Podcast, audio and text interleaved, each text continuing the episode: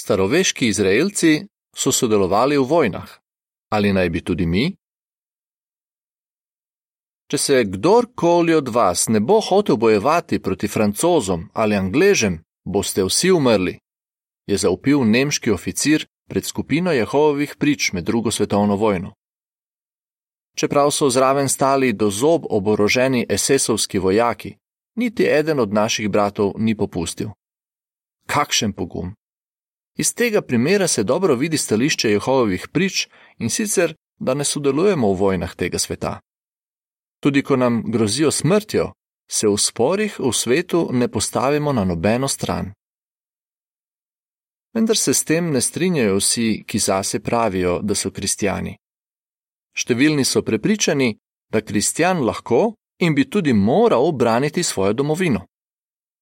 Kot razlog mogoče rečejo: Staroveški Izraelci so bili božje ljudstvo in so šli v vojno. Zakaj ne bi kristijani danes? Kako bi odgovoril?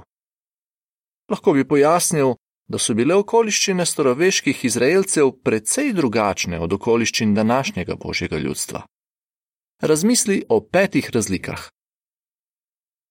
Prvič, vsi božji služabniki so pripadali enemu narodu. V preteklosti je Jehova svoje služabnike zbral v en narod, Izraelce. Med vsemi ljudstvi so postali njegova posebna lastnina. Druga Mojzesova 19.5. Določil jim je tudi področje, kjer so živeli. Ko je torej Bog Izraelcem zapovedal, naj gredo v vojno proti drugim narodom, se niso bojevali s svojimi sočastilci ali jih ubijali. V počrtni opombi piše: Včasih so se izraelski rodovi bojevali drug proti drugemu, vendar takšne vojne Jehovu niso bile všeč.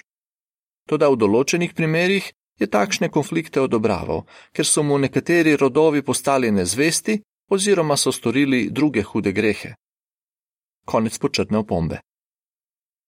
Danes pravi božji častilci prihajajo iz vseh narodov, rodov, ljudstev in jezikov. Razodetje 7:9.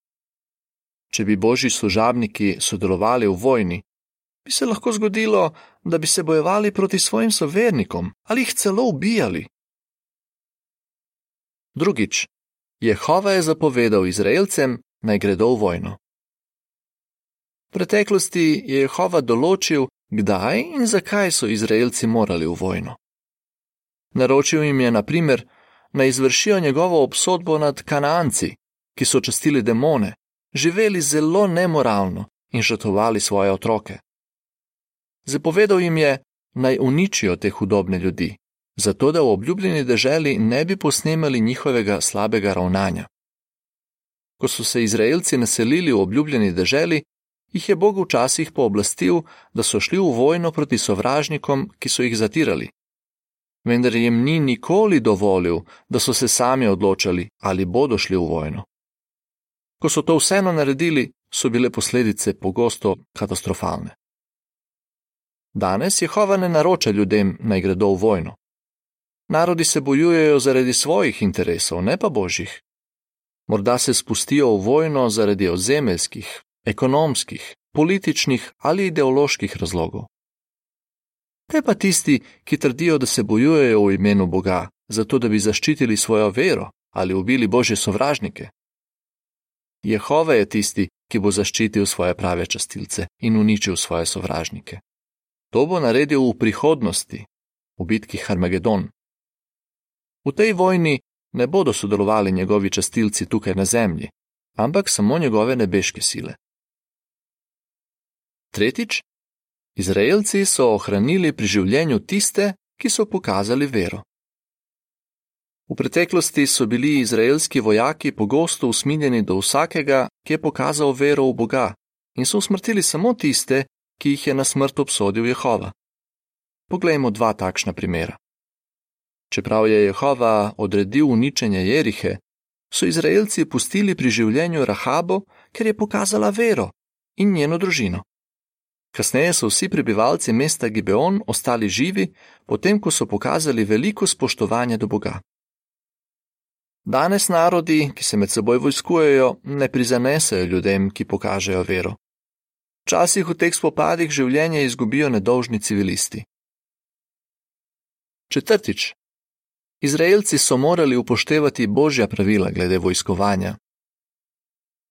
V preteklosti je Jehova od izraelskih vojakov zahteval, da se med vojskovanjem ravnajo po njegovih navodilih.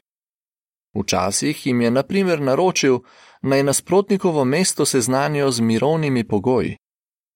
Peta Mojzesova 20:10 Od vojakov je tudi pričakoval, da skrbijo za svojo telesno čistočo in čistočo tabora, ter da upoštevajo njegova moralna merila. Vojaki okoliških narodov so pogosto posiljevali ženske na zasedenih ozemljih, Jehova pa je Izraelcem to prepovedal. Ko so zauzeli neko mesto, so se ženskami, ki so jih odpeljali kot ujetnice, lahko poročili šele en mesec zatem. Danes je večina držav podpisala mednarodne sporazume, ki urejajo oborožene spopade. Čeprav naj bi ti ščitili civiliste, se jih nažalost pogosto krši. Petič. Bog se je bojeval za svoje ljudstvo.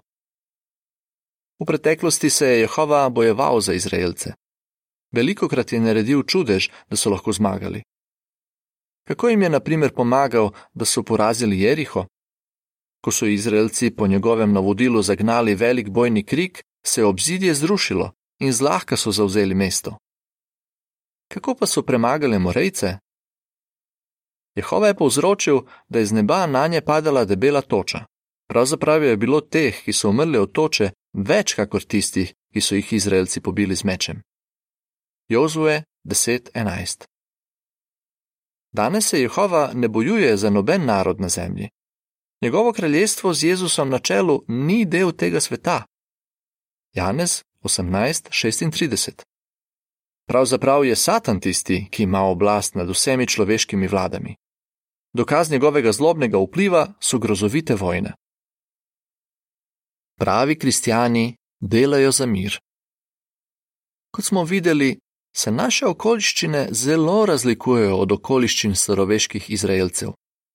Vendar poleg teh razlik obstajajo še drugi razlogi, da ne gremo v vojno. Bog je na primer napovedal, da se v zadnjih dneh njegovi služabniki ne bodo več učili vojskovati. Izaija 2:4 To seveda pomeni, da ne bodo sodelovali v vojnah. Kristus pa je rekel, da njegovi učenci ne bodo del sveta, zato se v sporih v svetu ne bodo postavili na nobeno stran. Kristus je svoje sledilce spodbudil, naj gredo še korak dlje. Naročil jim je, naj se ogibajo razmišljanja, ki vodijo v zamero, jezo in vojno.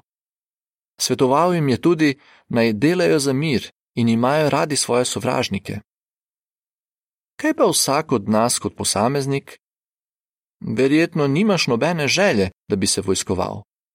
Ampak ali so v tvojem srcu kakšne sledi sovraštva, ki bi lahko povzročilo spore ali razdore v občini? Če imaš kdaj v sebi takšna čustva, si jih prizadevaj odstraniti. V spore med narodi se ne upletamo, ampak si prizadevamo za mir in medsebojno ljubezen. Bodimo odločeni ostati neutralni, ko željno čakamo na dan, ko bo Jehova za večno končal vse vojne. Konec članka. Če želite več informacij, prosimo, obiščite naše spletno mesto trikratvojnjev.j.org. Poševnica SL. Konec revije.